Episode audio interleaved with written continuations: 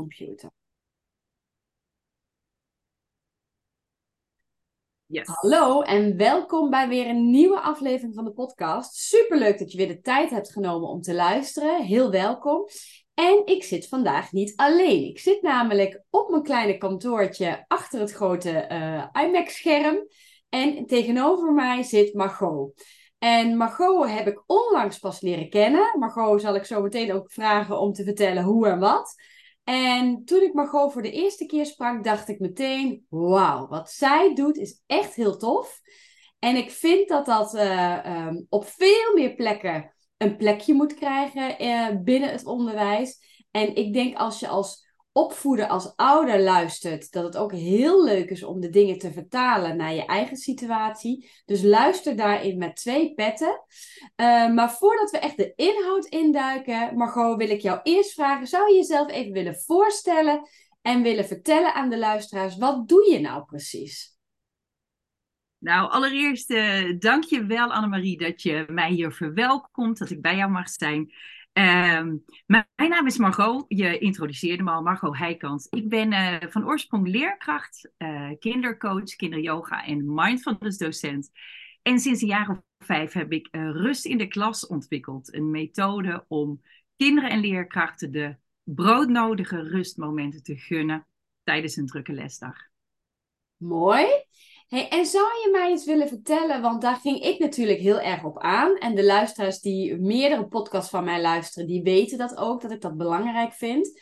Um, waarom heb jij rust in de klas in het leven geroepen? Want je hebt heel veel gedaan hiervoor. Waarom is rust in de klas er nu gekomen?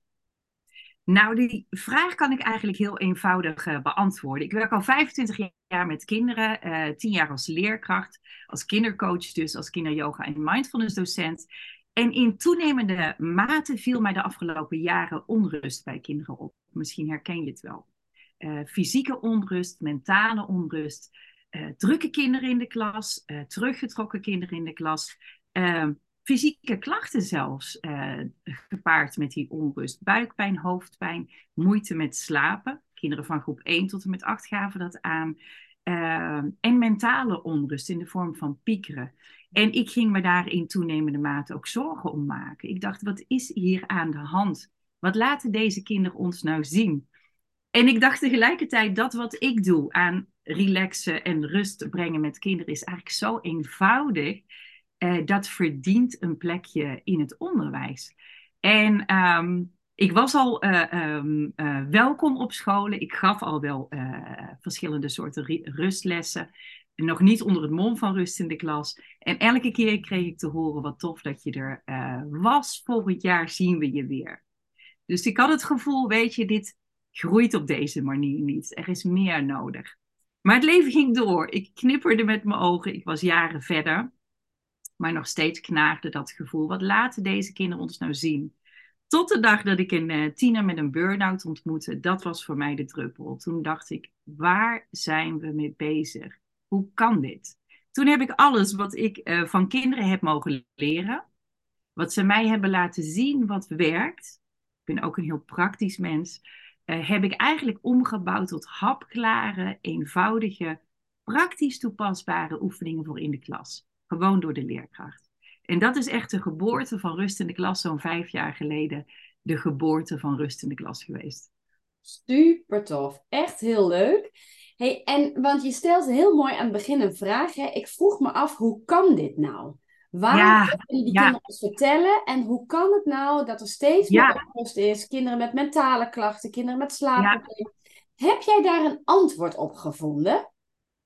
Ja, wauw, Annemarie, dat vind ik altijd een uh, bijzondere, uh, dat is een bijzonder goede vraag. Dat is ook het eerste wat ik met een groep bespreek, met de bovenbouwgroepen, van herken je dit? Wat, wat is dit voor jou? En um, kinderen benoemen vaak veel moeten op een dag. Dus volle lesprogramma's, uh, leerkrachten die luisteren herkennen dat wel. Ik kom op veel scholen, ik ben een blijvend leerkracht in mijn hart. Volle programma's, veel moeten. Uh, social media noemen kinderen zelf al. De onrust uh, die ook uh, social media met zich meebrengt. Telefoon, um, gamen. Hoe fijn het ook is, het, hoe, hoeveel moois het ook brengt. De onrust die daarbij hoort is er ook. verwachtingen. Verwachtingen van kinderen ten aanzien van zichzelf, verwachtingen van ouders, hun omgeving. Dus dat zijn eigenlijk verschillende dingen die kinderen aangeven. Ja. Ja, ik herken natuurlijk helemaal wat je zegt, want ook ik loop hier tegenaan. Hè? En, en ik denk het grote verschil tussen ons is, is dat ik het, het pedagogisch klimaat in zijn geheel even onder de loep neem. En daar is rust in de klas een, een stukje van. Ehm, en tegelijkertijd denk ik dat wij in ons werk ook gruwelijk veel raakvlakken hebben, waarin uh, we allebei zien dat er iets nodig is, um, maar dat dat wel heel erg begint bij wat doen wij als volwassenen? En hoe kunnen wij die kinderen nou verder helpen om daarin een stuk rust te gaan ervaren, om die prestatiedrang er wat af te halen? Nou, de hele toetscultuur vind ik natuurlijk wat van. Nou, jij ook ongetwijfeld. Um, en het is dus een beetje zoeken naar wat doen we nou zodat die kinderen veel beter in hun velletje te komen zitten? Want dat is het natuurlijk. Je wil kinderen goed in hun vel hebben. Absoluut. Dat is echt natuurlijk ten diepste het doel om kinderen zichzelf te laten zijn en lekker in hun vel. Uiteraard, dat is, het, dat is hetgene wat we allemaal beogen met alle, alles wat we in ons hebben. En ik denk ook, wat je zegt, kinderen zijn natuurlijk spiegels ik denk dat kinderen heel zuiver spiegelen de verkramping die ik ook als leerkracht uh, heb uh, ervaren zelf in het onderwijs, die zo zichtbaar is, de verkramping, de druk, waar leerkrachten zelf ook vaak mee te maken hebben, heel feilloos weergeven. Ja. De soort van verkramping, overprikkeling die er in de maatschappij is. Uh, ik denk dat dat is wat kinderen aan ons laten spiegelen. Als jij als leerkracht zo'n vol programma hebt of zoveel uh, voelt van, uh, van de methodiek die in je nek uh, hijgt, de, de toetsing, de normering, kritische ouders, waar ik mezelf overigens ook onder kan scharen. Dus dat, daar zit, bedoel ik geen oordeel mee. Um, dat is wat leerkrachten vaak voelen. En hoe moet je dan, als je met dat gevoel voor de klas staat, dat pikken kinderen feilloos op. Ja, ja. Dus met rust in de klas um, gun ik dat ook de leerkrachten. Dat pad naar de kinderen daar loopt een pad langs richting de leerkrachten. Dus uh, die twee vind ik heel belangrijk om te benoemen. Het moment dat kinderen rust ervaren, is dat ook een moment van rust voor de leerkracht. Ja, ja. En even een kritische noot tussendoor, hè? want wat ik heel vaak hoor, is dat leerkrachten ook zeggen. Maar die ouders, die programma's, die middagprogramma's, die weekenden, die zitten zo mutje, mutje vol. Hoe kunnen wij nou dan weer ervoor zorgen dat die kinderen rust krijgen als het thuis al zo vol is? Hoe zie jij dat? Nou, ik denk dat daar uh, dat het antwoord heel eenvoudig is door die rustmomenten in de klas te creëren. Dus hoe, hoe, uh, hoe ervaar je rust door te, ervoor te zorgen dat er ruimte voor is? En ik heb met rust in de klas heel specifiek voor kortdurende, uh, gemakkelijk inzetbare oefeningen gekozen. Dus echt binnen vijf of tien minuten. Ik kom op heel veel scholen. Ik ben in heel veel groepen al geweest. Het is mogelijk. Ja, ja. Begin allereerst is met kinderen van hun hoofd naar hun lijf te uit te nodigen. Dus uit die koppies je lijf voelen. Voel eens hoe je zit. Voel je oh, voet eens op de grond. Ja. De sleutel zit zo in, in het uitademen. In twee minuten tijd zie en voel ik een groep dan al zakken in hun energie. En daarna rol ik er een oefening in die passend is voor dat moment. En er zijn verschillende soorten oefeningen voor verschillende soorten kinderen. Dus het is mogelijk. Ja. ja, ik moet zeggen, ik was afgelopen week was ik in het zuiden van het land. Uh, daar mocht ik als pedagogisch specialist aansluiten bij uh, Stichting Cultuurpad. En zij um, doen middels sportspel en cultuur, dus het kan ook bijvoorbeeld theater zijn, um, proberen zij groepen nou, te laten groeien als het gaat over hoe gaan we met elkaar om, hoe vormen wij een goede groep, hoe kom je voor jezelf op, hoe geef je grenzen aan. En een van de oefeningen die daar gedaan werd, en ik mocht het heel mooi observeren, dus ik hoefde de oefening zelf niet te doen, maar een van de oefeningen was, geef eens op een blaadje aan waarin gewoon een, een mensfiguur afgebeeld stond, waar jij spanning voelt in je lichaam gedurende de dag. En ik ja. me dus echt een hoedje als ik zie wat die kinderen dan allemaal inkleuren. Van de knieën tot de buik, tot het hart, tot het hoofd, tot de nek, de schouders, de vuisten. Alles wordt bij heel veel kinderen op meerdere plekken ingekleurd, waarvan ik dacht, Dit zijn dus allemaal kinderen die de, bijna de hele dag door een soort spanning met zich meedragen. En dan vinden wij als professionals, als, als volwassenen, als ouders het gek dat ze af en toe eruit klappen. Want zij moeten die spanning reguleren. Zij moeten daar uiting aan kunnen geven. Want we weten allemaal, als je te veel spanning opbouwt, ja, je ontploft. Dat emmertje loopt over. Ja. Ja, uh, ja. Kun je, hè, wat je zegt, ademhaling is een hele belangrijke. Um, kun je eens een voorbeeld geven voor jonge kinderen? Um, dus nou, pak een beetje tot en met groep 4. Dus kleuters tot en met groep 4. Wat een manier is om kinderen te laten ontspannen naast die ademhaling. Ja, zijn uh, met rust in de klas zijn eigenlijk hele verschillende soorten rustingangen. Als ik bij in een groep kom, benoem ik dat ook bij kinderen. We gaan op een rustontdekkingstocht. Ontdekken wat past bij jou. We zijn allemaal anders. Dus dat geldt voor alle kinderen. Uh, je hebt voelers die graag frummelen. Je hebt kijkers die graag ergens naar kijken. Luisteraars die graag ergens naar luisteren. Je hebt uh, bewegers. Uh, dus dat, het aanbod is heel divers, zoals ook kinderen divers zijn. Um, onderbouwkinderen, wat een hele laagdrempelige, prettige oefening kan zijn, is een relaxverhaal. Daar, dat is ook een laagdrempelige oefening voor leerkrachten om mee te beginnen. Een relax beweegverhaal heb ik laatst bij een onderbouwgroep gedaan. En dan nodig je kinderen uit. Ik laat ze eerst weer voelen. Voel eens hoe je, hoe je zit. Voel je bil op de stoel. Voel je voeten op de grond. We ademen een paar keer rustig uit. En dan, toen legde ik ook uit, we gaan samen een relaxverhaal beleven.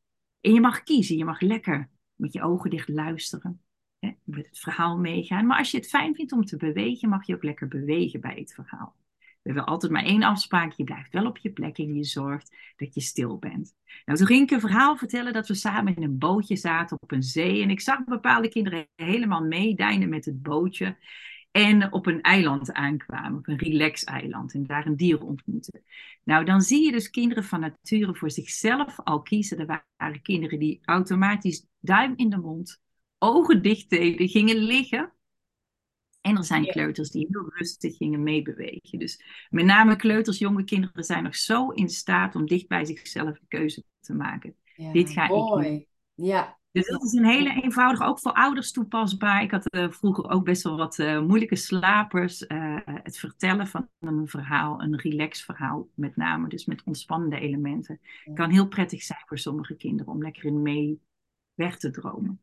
Ja, en wat ik heel waardevol vind, is dat je zegt, het is een ontdekkingstocht. Want niet iedereen ontspant op dezelfde manier. En uh, op het moment dat je dus zelf de associatie hebt bij rust, dat is stilte of verstilling, dat is stilzitten, dat is... En, en je, je leerlingen doen dat niet, of jouw kind doet dat niet, dan wil het niet zeggen dat jouw kind dus maar druk is. Nee, die heeft een andere manier van ontspanning nodig. Een andere manier van die verstilling en die rust in zichzelf nodig. En dat kan ook zijn door te friemelen.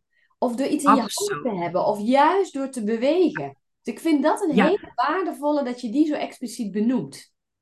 Ja, en dat heb ik absoluut ook geleerd door wat kinderen mij lieten zien. Dus ik vind het fijn dat je die eruit had, Annemarie. Want uh, wie ben ik om voor een kind te bepalen hoe die moet ontspannen? Zo benoem ik dat ook. Ook met name in de bovenbouw uh, benoem ik dat als ontdekkingstocht. Ik heb zo geleerd, een bepaald leerkartgedrag als het ware afgeleerd. Ik heb geleerd uh, de juiste vragen te stellen en niet de antwoorden te geven. Dus ik heb echt geleerd aan kinderen te vragen: hoe is dit voor jou? Wat is prettig voor jou? Ik zie uh, dit en dit bij jou, zie ik dat goed? Wat, wat kan jou helpen? Wat heb jij nodig? Ik sta keer op keer versteld van de wijsheid van de generatie kinderen die er nu zijn. Kleuters ook. Hoe kinderen al in staat zijn, je benoemde dat straks dus, hoe ze in staat zijn de spanning te benoemen. Na afloop van een rustoefening bevraag ik kinderen ook uh, soms. Hè? Soms laat ik ze in die energie zonder erover te praten, soms nodig ik ze uit. En dan zijn ze zo ontzettend knap in staat te verwoorden hoe hun lijf zich voelt, maar ook mentaal. Een kind uit groep 3 hoorde ik van een rustexpert, een leerkracht die ik heb opgeleid laatst. Mijn hartje voelt zo fijn. Ah, prachtig. Ja. Nou ja, dan is je dag toch al meteen helemaal weer klaar. Dan is het helemaal goed. Weet je, ik ga, dan kan ik bijna tranen in mijn ogen krijgen. Dat ik denk, ja. dit is toch wat je kinderen altijd wil laten ervaren. Je hart voelt zo fijn. Ja, prachtig. Juist, Heel tof. Maar dit is, uh, dit is ook daadwerkelijk met rust in de klas eigenlijk voor mij ook als voormalige leerkracht een compleet ander aanbod naar kinderen. Wat er gebeurt in de verbinding als een kind dus in een veilige setting uitgenodigd wordt om bij zichzelf te zijn op de manier die past bij hem of haar. De soort de verstilling, de sfeer die voelbaar verandert, dat kan ik niet anders dan magisch en indrukwekkend noemen. Dan, dan gebeurt er iets met de harten van kinderen. Uh, met name mijn persoonlijke favoriet is uh, onderlinge massage. Uh, uiteraard vraagt dat een, een zorgvuldige opbouw. Hè, dat begint bij masseren bij zichzelf. Maar kinderen zijn zo ongelooflijk goed in staat voor elkaar te zorgen. Ja. Als ze daartoe uitgenodigd worden. Ja, en inderdaad, met een juiste opbouw, met de veiligheid die nodig is om dat toe te kunnen laten. Hè? Want als je daar te snel in gaat, kun je ook echt wel missers maken. Um, Uiteraard. Ja, mooi. Hey, en hoe, uh, want nu hadden we het even over jonge kinderen. Nou ja, we, we komen allebei ook in bovenbouwgroepen, waar echt die puberteit, prepuberteit een rol speelt. Nou, als je daar gaat, uh, een ademhalingsoefening gaat doen, dan kan het zomaar zijn dat de helft begint te giebelen en te lachen en een beetje om zich heen kijken. Wie doet nog meer een beetje achterlijk? Uh, ja. Dat is helemaal passend bij de leeftijd. Dus ik vind dat ook niet, hè, keur dat ook als leerkracht niet meteen af. Het is ook een beetje ongemakkelijk, zeker als je dat niet kent vanuit je opvoeding of niet kent vanuit um, de school waar je, de klas waar je bent. Um, hoe zit dat bij die leeftijd? Dus die, die tiener, die pre-adolescentie. Um, wat kun je daarover zeggen? Super goede vraag. Dat is, uh, ik geef ze groot gelijk. Als ik, uh, ik kom blanco binnen in die groep. Ik ken kinderen niet. Een enorm voordeel voor mij, want binnen een minuut heb ik ze al wel gezien. Uh, maar ik weet niks. Dus ik kan helemaal open naar kinderen reageren. En ik geef ze groot gelijk. 80% van de kinderen gaat meteen met me mee, want die denken, denken lekker geen rekenen, geen spelling. Ik ben erbij. 10% kijkt even de kat uit de boom. Die denkt, wie is die mevrouw? Wat gaan we doen? Dat is binnen een kwartier. Ik ben er altijd een kwartier in een rustles. Uh, gaan die mee? 10% laat uh, uh, weerstand zien op een opvallende of juist een teruggetrokken manier. En ik geef ze groot gelijk. Als een kind heel duidelijk mijn aandacht trekt, dan benoem ik dat ook vaak. Van, goh, ik zie dat je dit uh, een beetje lastig vindt. Snap ik volkomen. Ik reguleer dat wel in het begin, maar dan zeg ik ook, weet je, ik gun jou ook een ontspannen moment. Wat is fijn voor jou?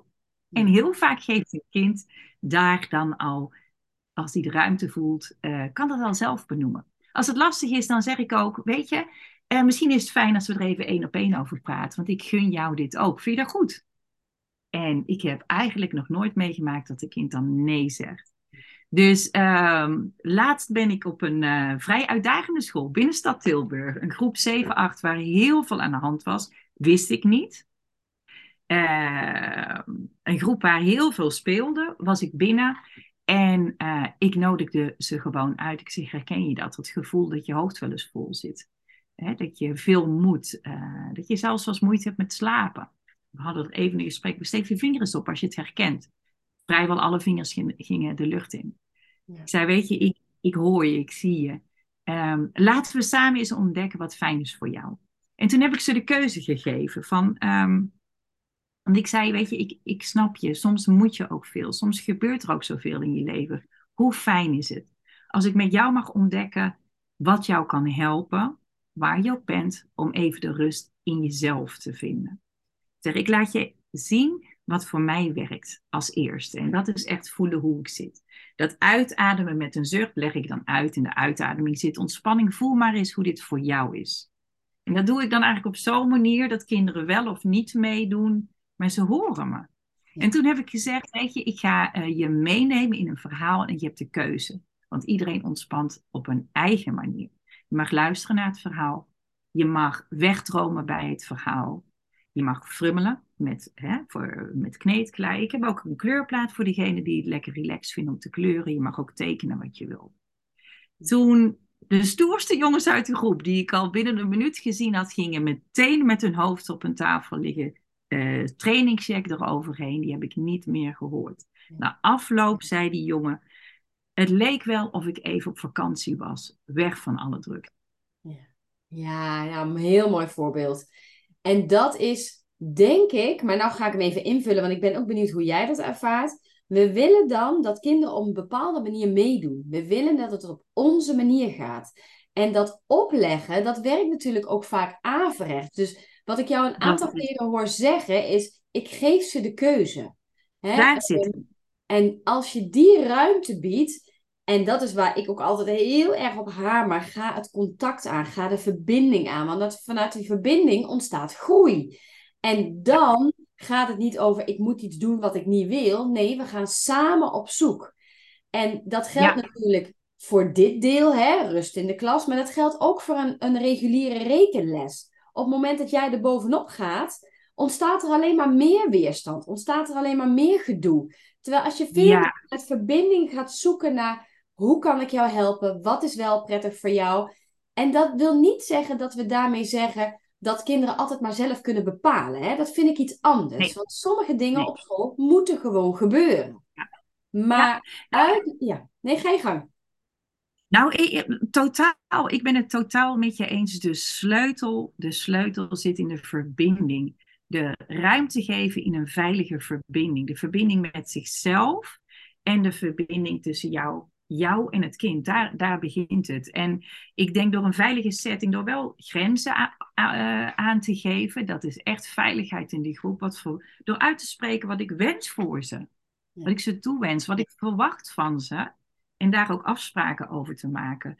Dat creëert al een veilige setting. Maar in de verbinding, ik heb, kom natuurlijk ook hele bijzondere kinderen tegen. Alle kinderen zijn bijzonder. Maar zo in een andere school, uh, een meisje die fysiek, verbaal naar andere kinderen toe uh, uh, eigenlijk agressief was, die ook heel duidelijk mij liet merken waar, wie ze was. Um, die sprak ik na de les even aan in een veilige setting. Uh, zei ik, mag ik heel even iets vragen? En toen vroeg ik haar ook van, goh, ik zag dat dit lastig voor je was. Heb ik het goed gezien? En ik zag in haar ogen echt ook al um, ze voelde geen oordeel bij mij. En ze keek eigenlijk heel verrast. Ik zei, joh, ik, ik, snap het helemaal, maar ik vind het jou ook zo. Wat zou jij fijn vinden? Weet je dat van jezelf? Zei ze, nou ja, weet ik eigenlijk niet. En toen gaf ik er wat suggesties. En vanaf dat moment was ze nog steeds heel aanwezig in de groep. Maar wel op haar manier. En zag ik haar op bepaalde momenten er echt er oren spitsen in oefeningen en ineens wel meedoen. Oh dus dus je hebt wel iets geprikkeld, iets getriggerd. Je hebt haar uitgenodigd en zij is op haar manier, gaat ze daar wat mee doen. Ja, ja, Ik, ik, ik kan me ook zo voorstellen, dat weet ik ook van mezelf nog als leerkracht, dat de verbinding, soms zit een kind, triggert zoiets in jou als leerkracht. Hè? Uh, dat herken ik ook nog steeds. Uh, en dan um, is het wel eens als leerkracht ook fijn om een stapje terug te doen. En eerst eens te ontdekken, wat wordt er nou bij mij geraakt? Ja. Wat mag ik even loslaten en filteren dat ik, dat ik als professional en mens weer in verbinding kan met het kind? Want daar, en, daar zit het verschil. Ja, en die verbinding, wat ik daarin zie in de praktijk, is dat we zitten heel erg op ga in verbinding met die kinderen, ga in contact. En vanuit daar hè, kun je een relatie opbouwen. En die relatie is de basis om uiteindelijk met elkaar aan de slag te gaan. En tegelijkertijd zie ik in de praktijk heel veel leerkrachten, maar ook heel veel ouders die eigenlijk niet eens verbinding met zichzelf hebben. En die zelf in een soort red race zitten van doorgaan, doorgaan, doorgaan, geen rust nemen. En als ze rust nemen, dan is het, het hè, Netflixen of met vriendinnen afspreken, of waardoor je hoofd nog steeds aanstaat. Maar die diepe ontspanning, ja, als ze slapen. En dan mag je hopen dat de kwaliteit van slaap goed genoeg is om echt bij te komen.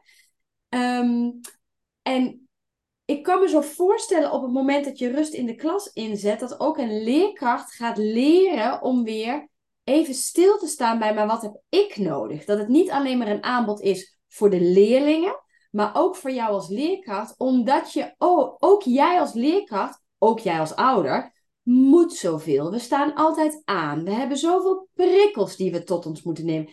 Ons brein kan daar helemaal niet aan. En dan, en ik, nou ja, ik zit midden in dat proces, omdat ik uh, daar ook een opleiding over volg op dit moment. Ja. En dan denk ik, oh, ik doe het ook. Ik moet, ik Natuurlijk. vandaag een, een dag dat ik wat meer thuis aan het werk ben. En ik, nou, ik gaf in de vorige podcast al aan, mijn, mijn emmertje is ook leeg aan het raken. Mijn rugzakje is wat leeg aan het raken. Dus ik raak wat vermoeid. Dus ik dacht, ik moet iets gaan doen waardoor ik wel productief ben vandaag. Want de to-do-lijst is huge. Maar waardoor ik ook mijn rustmomenten pak. Waardoor ik ook weer kan blijven leveren. Nou ja, Juist. het is gewoon, dan merk ik dus ook die kleine momentjes. Ehm, heel even lummelen, even naar buiten kijken met mijn kopje thee, heel even die gedachten maar laten komen. Even, ja, even opschrijven wat er allemaal in mijn hoofd zit. Dat is zo helpend. Totaal uh, herkenbaar wat je zegt, want ik heb het ook. Ik leef eigenlijk mijn eigen missie uh, is echt een uitdrukking van mijn persoonlijk leerproces wat nog gaande is. Dus dit is wat, wat ik net als alle andere mensen moeilijk vind. Ik moet ook zoeken naar ontspanning. Ik sta ook de hele dag aan. Dus ik kan me zo verplaatsen in die kinderen en zo in die leerkrachten. Dus met rust in de klas bereik ik ook die leerkrachten. En geloof me, dat is een stuk uitdagender dan de kinderen. De lijn met de kinderen, die heb ik en die snappen hem, die voelen hem, die voelen zich uitgenodigd. Dat is makkelijk. De lijn naar de leerkrachten, er zijn er die meteen aanspringen op het thema en hem voelen. Maar er zijn veel meer leerkrachten die in die tien minuten kwartier dat ik er ben, eigenlijk als eerste de neiging hebben van, oh, supermooi, ik ga snel even de schrijfschriften nakijken. Ja. Of snel in die tien minuten nog iets afmaken. En ik begrijp ze. En als ik dat zie, er zijn er ook heel veel die echt meedoen, observeren, genieten. Maar voor diegene, en ik begrijp ze volkomen, die ik dat zie doen, die spreek ik ook wel liefdevol aan. Die nodig ik wel uit. Van ga eens ontdekken ehm, wat het jou oplevert. Want wat betekent het voor jou dat je echt deze tien minuten het gevoel hebt dat je dit moet doen en eigenlijk niet ziet wat voor moois er gebeurt. Dus met rust in de klas heb ik ook echt een soort traject op de leerkrachten, waarbij ze bijvoorbeeld een zelfzorgposter ontvangen, waarbij ik ook echt met teams in gesprek ga van hoe zit het nou voor ontspanning, eh, met ontspanning voor jou als leerkracht? Ja, ja. Voel jij de ruimte bij de school? Hoe zorg jij eigenlijk voor jezelf als leerkracht? Want al die leerkrachten als ongelooflijke mensen, mensen, uh, staan die deuren open uh, voor rust. Dat gunnen zij hun kinderen. Maar hoe gun je dat jezelf? Gun je dat jezelf wel? En hoe ziet dat er dan eigenlijk uit? En precies wat jij zegt, zo'n extra kopje thee, even dagdromen naar buiten, dat zijn de rustmomenten voor ons brein. En hoe zou dat nou voelen als je je dat bewust plant? Dus daar nodig ik en daar ik leerkrachten toe uit. Maak eens bewust vijf minuten. Schenk dat kopje thee eens in. Zeg tegen je kinderen van, weet je, ik ga nu even voor mezelf zorgen. Ik schenk even een heerlijk kopje thee in. Ik kijk naar jullie. Ik geniet van jullie. En ehm, ik neem een moment voor mezelf. Om naar jullie te kijken en van jullie te genieten. En als dat dan, wat voor een krachtig voorbeeld leef je dan, hè? Nou, en als dat je dat meet. Ja, hè, wat leef je voor? Ehm, welk voorbeeld geef jij zelf? En als jij zelf een hele gestreste ouder bent, een gestreste leerkracht in dit geval bent, hoe kunnen we dan verwachten dat die groep lekker rustig aan het werk gaat? Dat kan want die energie die jij bij je hebt, die draag jij over. En juist omdat het kinderen zijn, die staan nog zo open met die hersengolven, die pakken meteen jouw energie over. Die kunnen er nog bijna geen eigen keuzes in maken, maar die gaan mee op jouw flow. Dus als jouw flow is, stress, door, actie, hoppakee, schouders eronder. Dan is dat wat je ze meegeeft. Ja. En dus neemt het eigenlijk ehm, de energie over die je juist niet wil. Maar dan moet je zelf ook iets doen. Ja, ja. en wat, wat helpend is, merk ik ook op scholen die ik begeleid. Ik, ik leid dus ook leerkrachten op tot rustexpert in-house op hun school, het liefst twee om rust en ontspanning echt een plek te geven, structureel in het DNA van een school. Daar mag, uh, daar mag een aanloop voor zijn, dat mag uh, uh, vertrouwen en geduld, zeker geduld voor vragen. Maar dan helpt het ook als, um, om dat in het begin echt even op je programma te zetten, om schoolbreedte te bespreken en wat veel leerkrachten mij teruggeven, dus dat ze dat echt als dagplankaart uh, inplannen in eerste instantie. Dan hebben we het over 10 minuten. Al doe je dat één keer in de week, twee keer in de week dagelijks, waar je maar de ruimte voelt. Uh, zodra je dat inplant, dan maak je daar ruimte voor. Ja. En wanneer daar een um, routine ontstaat, wanneer leerkrachten hem gaan voelen, ook voor zichzelf, dan wordt je ook incidenteel het uh, makkelijker om rustmomenten in te zetten. Wanneer het een keer stormt in jouw klas. Wanneer jij als leerkracht merkt van wauw, nou zit mijn emmertje dreigt over te lopen. Nu even een stap terug. Hoe fijn, er zijn leerkrachten die dat echt ook vanuit zichzelf kunnen doen. En zeggen, nou jongens, ik merk, mijn energie is op. Laten we eens een uh, rustmoment kiezen. En dan merken dat de energie merkbaar verandert in een groep na zo'n moment. Dus uh, het uh, om te beginnen inplannen kan heel helpend zijn. En ook daar bouwbrede afspraken over maken. Hoe gaan we hiermee om? Want ervaren leerkrachten, die weten heus wel waar ze vijf of tien minuten weg kunnen halen. Maar het is wel ontzettend prettig als je je gesteund voelt door jouw collega's, je duo's, jouw bouw.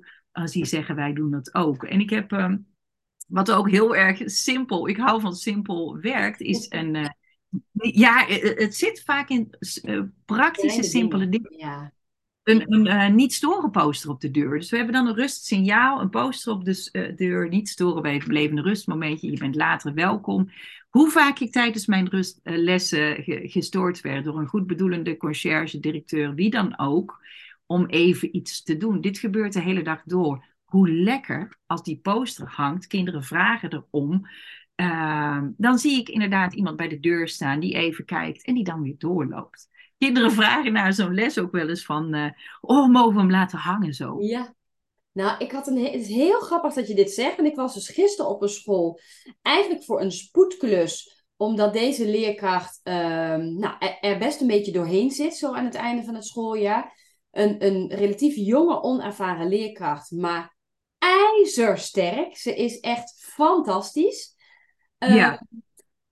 En wat ik zag is, ze was zo hard aan het werk met een bepaalde overlevingsenergie, wat ook weer ja. uitstraalde op de kinderen. Ja. En in die les van een uur, ik was er een uur, iets langer, maar in een uur ben ik echt in die groep heel uh, nadrukkelijk geweest, waren er drie keer een groepje kinderen wat binnenkwam om een verjaardagstractatie of een sticker te halen. Of hoeveel onrust dat geeft. en ik snap dat, dat het heel leuk is voor de jager om rond te gaan. En ik snap ook dat het heel leuk is om met een hulpje rond te gaan.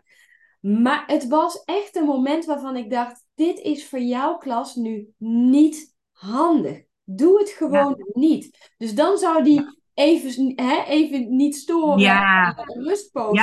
Fantastisch zijn. Ja. Dit, het zit zo in die kleine dingen, de signalen die je ook afspreekt.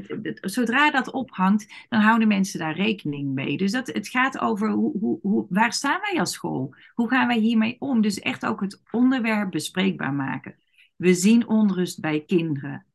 Ja. Waar zit hem dat in? Hoe zit die voor ons? En waar willen wij vervolgens gaan staan? Wat doen we met het signaal wat ze ons geven? Want wat laten die kinderen ons nou zien? Wat hebben ze nou nodig van ons? Ik denk dat dat ontzettend waardevolle gesprekken zijn in, in teams. Wat laten ze ons nou zien? Wat hebben ze nodig? En wat hebben wij als leerkrachten nou eigenlijk nodig? En ik weet van mezelf als leerkracht ook zo'n frustrerende rekenles waarbij de oogjes glazig werden. Waarbij ik wist van ik kan dit doorlopen trekken. Ik word zelf helemaal gefrustreerd. Die kinderen nog meer.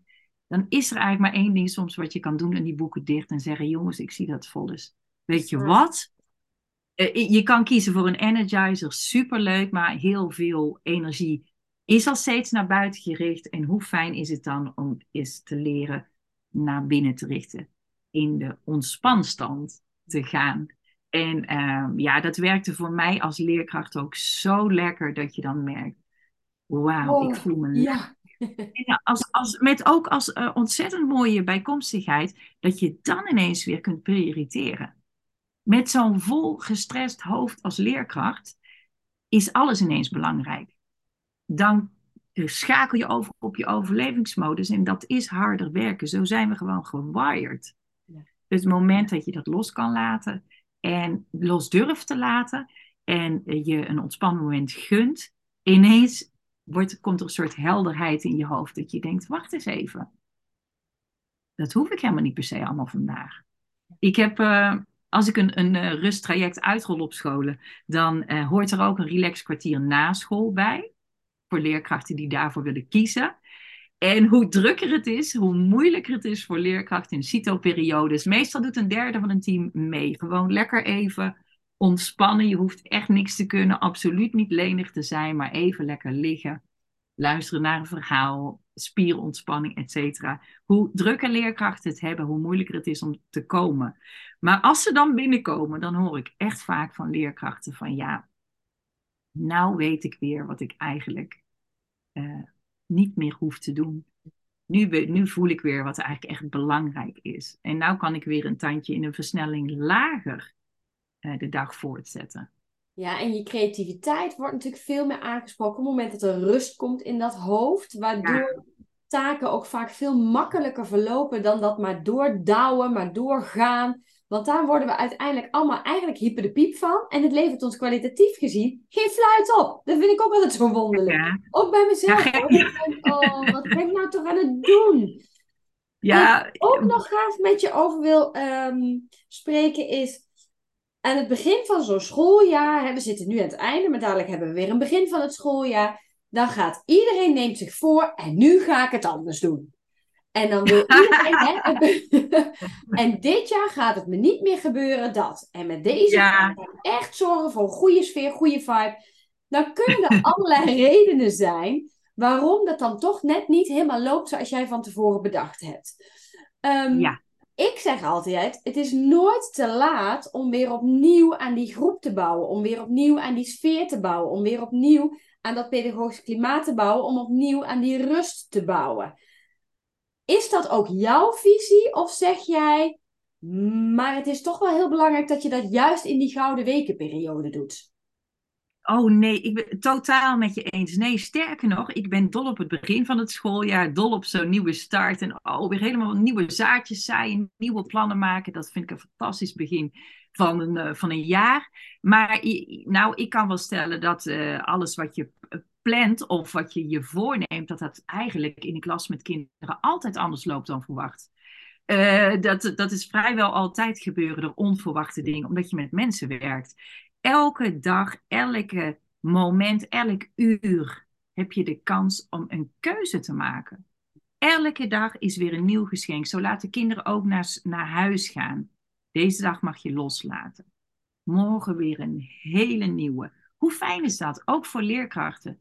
En het, het, ik vind het wel ontzettend belangrijk om het lijntje met leerkrachten, de leerkrachten die ik heb opgeleid, de scholen die meedoen, aanhaken op rust, dat lijntje warm te houden. Door drie keer per jaar hebben we uh, intervisie online en live, om mensen uit te blijven dagen. Kijk eens waar je staat. Kijk eens even terug wat voor moois je al hebt. Want we zijn zo geneigd vooruit te kijken van, oh, en daar en daar en daar moet ik nog heen. Kijk eens even terug.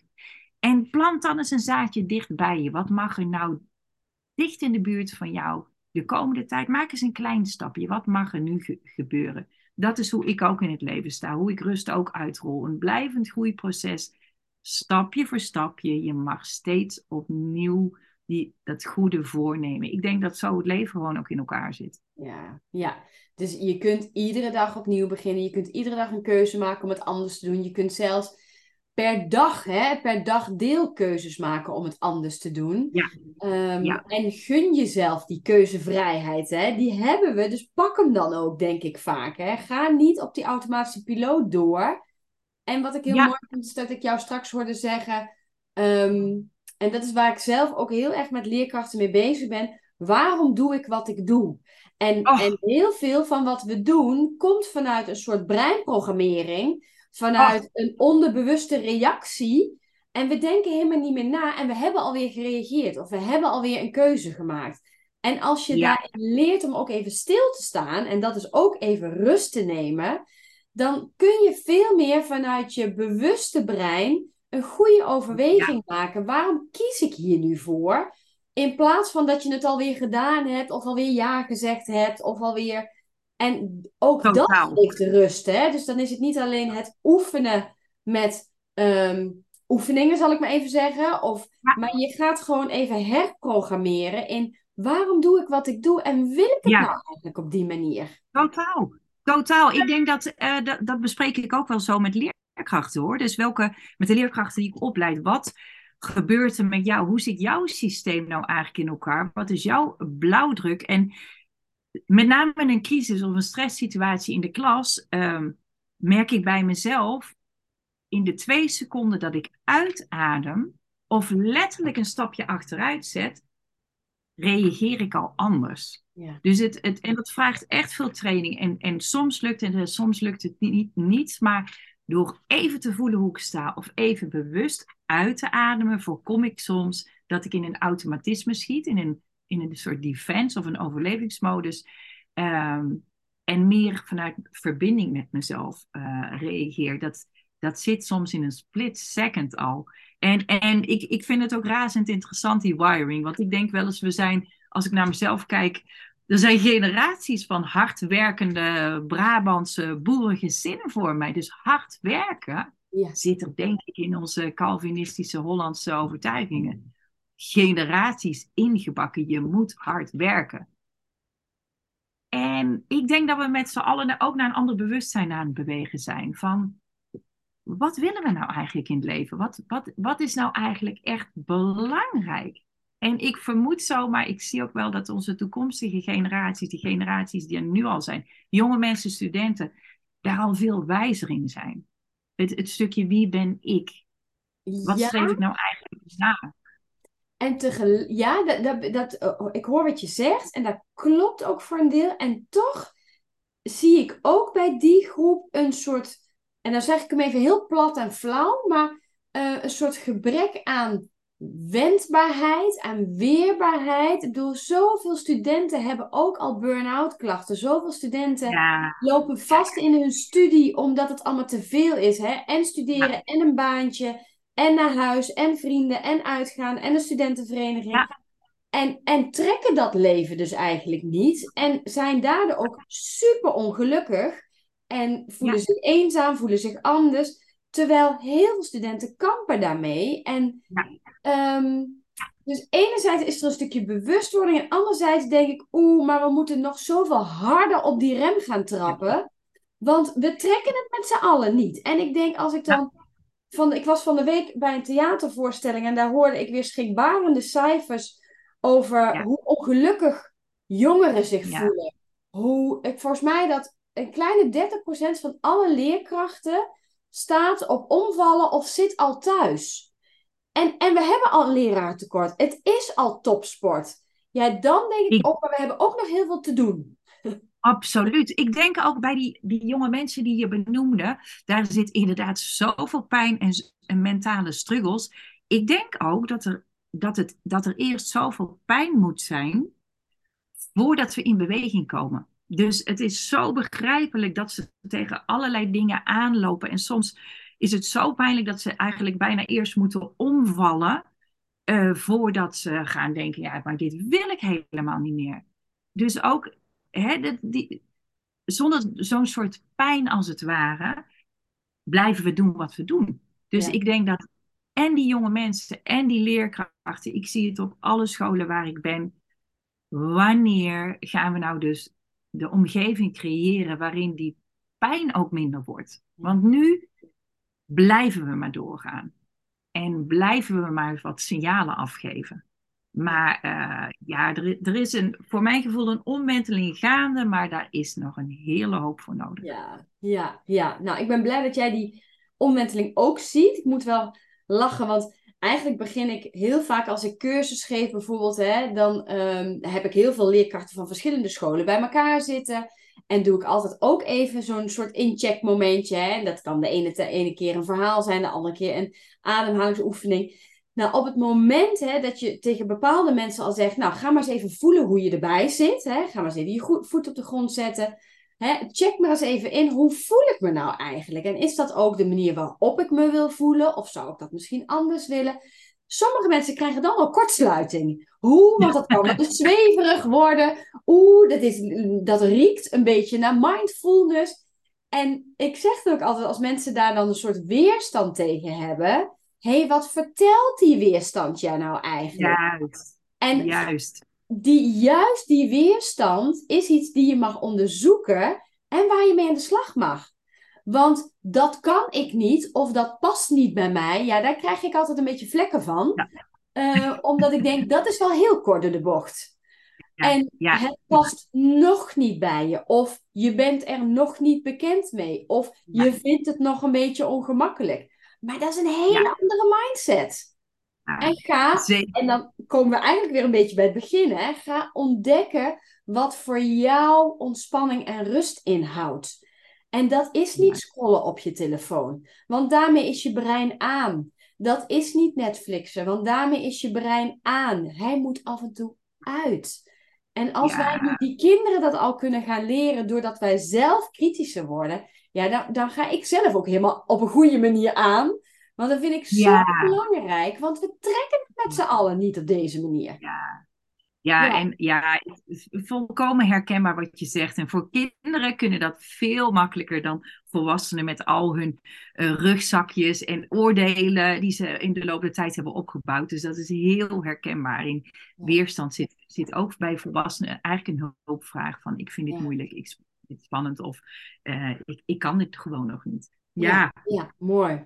Hey, ik ga even kijken naar de tijd, want we moeten langzaamaan ook naar een afronding toe. Maar ik, ja, ik kan nog heel lang met je doorpraten. Dus wellicht dat we nog wel eens een, een deel 2 moeten maken over een specifiek deel of een onderwerp. Ja. Dus nodig hierbij ook de luisteraar uit. Hè? Heb je nou specifieke onderdelen waar je op aangaat, waar je weerstand op voelt? Laat het mij of Margot weten via een DM'tje. Want dan kunnen we daar echt wel eh, eventueel nog een, eh, een, eh, versie 2, een aflevering 2 aan koppelen. Maar voordat we echt gaan afronden, hè Margot. Ehm, heb jij een bepaalde tip, iets wat je mee wil geven aan de luisteraar, waarvan jij denkt, ga daar eens mee starten. Hè? En het begin gaf je al aan, nou die ademhaling is een hele belangrijke. Kun je nog eens één of twee dingen noemen waarvan je zegt dat is iets waar ik van merk dat leerkrachten daar eigenlijk altijd heel veel profijt van hebben?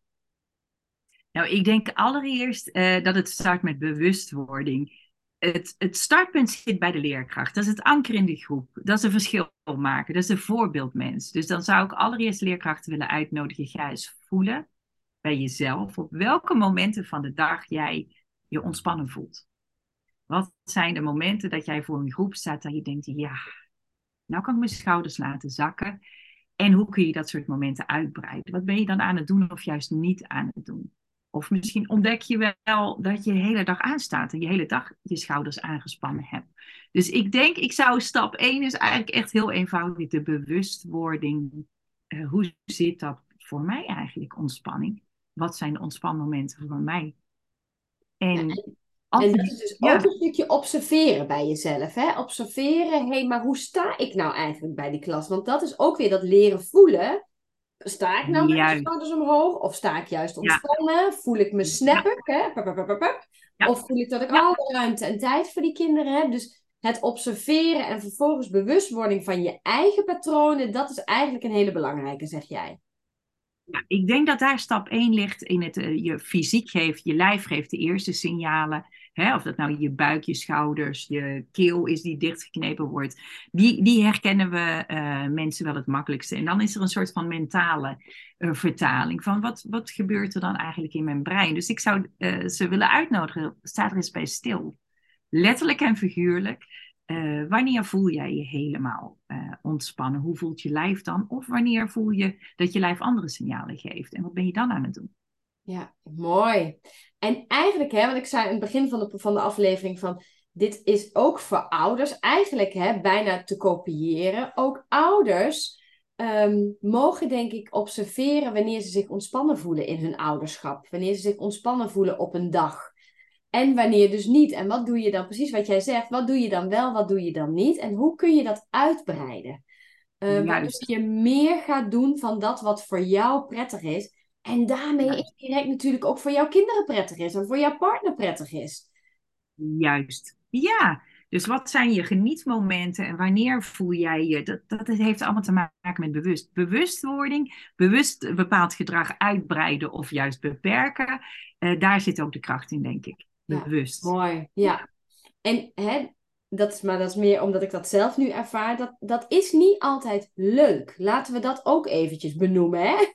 Ja, ja, ja, ja, Je, ja, je komt soms achter dingen van jezelf waar je van denkt... Het verdekkers, dit doe ik dus. En eigenlijk wil ik het helemaal niet doen. Maar ik doe het dus wel. En ik vind er van alles van bij mezelf. Ik vind er van alles van bij een ander. Maar ik doe het zelf ook. Dus ja, ja realiseer je. En, en dat zou ik dan ook wel mee willen geven. Zowel aan die professional als aan die ouder. Dat observeren en die bewustwording kan ook dingen opleveren waarvan je denkt: oeps, ai, moi, En weet je, ook dat mag er dan zijn. En is juist, denk ik, in plaats van dat maar weer parkeren en wegduwen, daar ligt de kans voor verandering. Ik denk ook uh, dat we met z'n allen in mildheid naar onszelf mogen kijken. Zoals je naar, als ouder naar je eigen kind kijkt, zo mag je ook eens naar jezelf kijken. Ik, ik heb in de loop der jaren wel geleerd en ben nog aan het leren om met mildheid ook naar mezelf te kijken. Dus uh, waar ik, uh, om een voorbeeld te noemen, um, ook ik heb natuurlijk die patronen waar ik dan weer inschiet en me kan verliezen in social media. Uh, mijn, mijn hulpmiddel is vaak mijn hond. Wandelen met de hond heb ik in plaats van een klusje echt leren ervaren als een verteermoment voor mezelf. En waar ik echt mezelf, uh, ja, en mijn hoofd leegloop. Uh, letterlijk eigenlijk. En soms betrap ik me erop dat ik dan toch mijn telefoon pak. Dat ik als ik in zo'n modus zit, uh, ja, je, verslavend is dat natuurlijk. Elke keer dat ik hem niet pak, dat ik hem thuis kan laten, kan ik dan ook als een soort succesje vieren. Dus ik denk ook dat je steeds die kleine succesjes voor jezelf, uh, elke keer dat je iets niet doet of wel doet, is weer een keer. Ja, mooi. Ja, heel mooi voorbeeld. En ik denk voor heel veel luisteraars, inclusief mezelf, ook heel herkenbaar. En ik denk um, dat het mooi is als we wat jij zegt, met mildheid kunnen kijken, uh, succesjes kunnen vieren, maar ook onszelf de tijd geven om op zoek te gaan naar wat wil ik graag veranderen en wat levert het me op als ik daarmee aan de gang ga. Waardoor je ook een bepaalde motivatie voelt bij jezelf. Ik wil dit niet meer. Ik wil het anders, want ik heb er uiteindelijk meer last van dan dat het me iets oplevert. En dat zijn denk ik altijd de momenten waarvan ik denk: oh, dan is het niet makkelijk, maar ga er doorheen. Want dan gaat het je dus ook heel veel opleveren. Ja, ja ik denk ook, ja, de meaning of life is denk ik dat we onszelf steeds tegenkomen en steeds ervoor willen kiezen om te blijven leren. Ik geloof ook niet dat ik daar ooit mee klaar zal zijn. Nee. Uh, dus ja, er zullen nog veel uh, mooie leerprocessen komen, maar, maar, zo zie ik dat ook wel. Ja, mooi. Nou, ik uh, onderstreep dat volledig. Hey, ik vond het een superleuk gesprek. Dankjewel. Nogmaals, hè, we zijn eigenlijk nog lang niet uitgekletst. Maar om het voor de luisteraar ook een beetje behapbaar te houden, denk ik dat het een heel mooi uh, weergave is van wat jij doet. Hè? Met heel veel praktische tips en info die ook weer uh, goed toegepast kan worden. Stel dat mensen dan meer willen weten over rust in de klas. Of meer willen weten over jou. Waar kunnen ze jou vinden?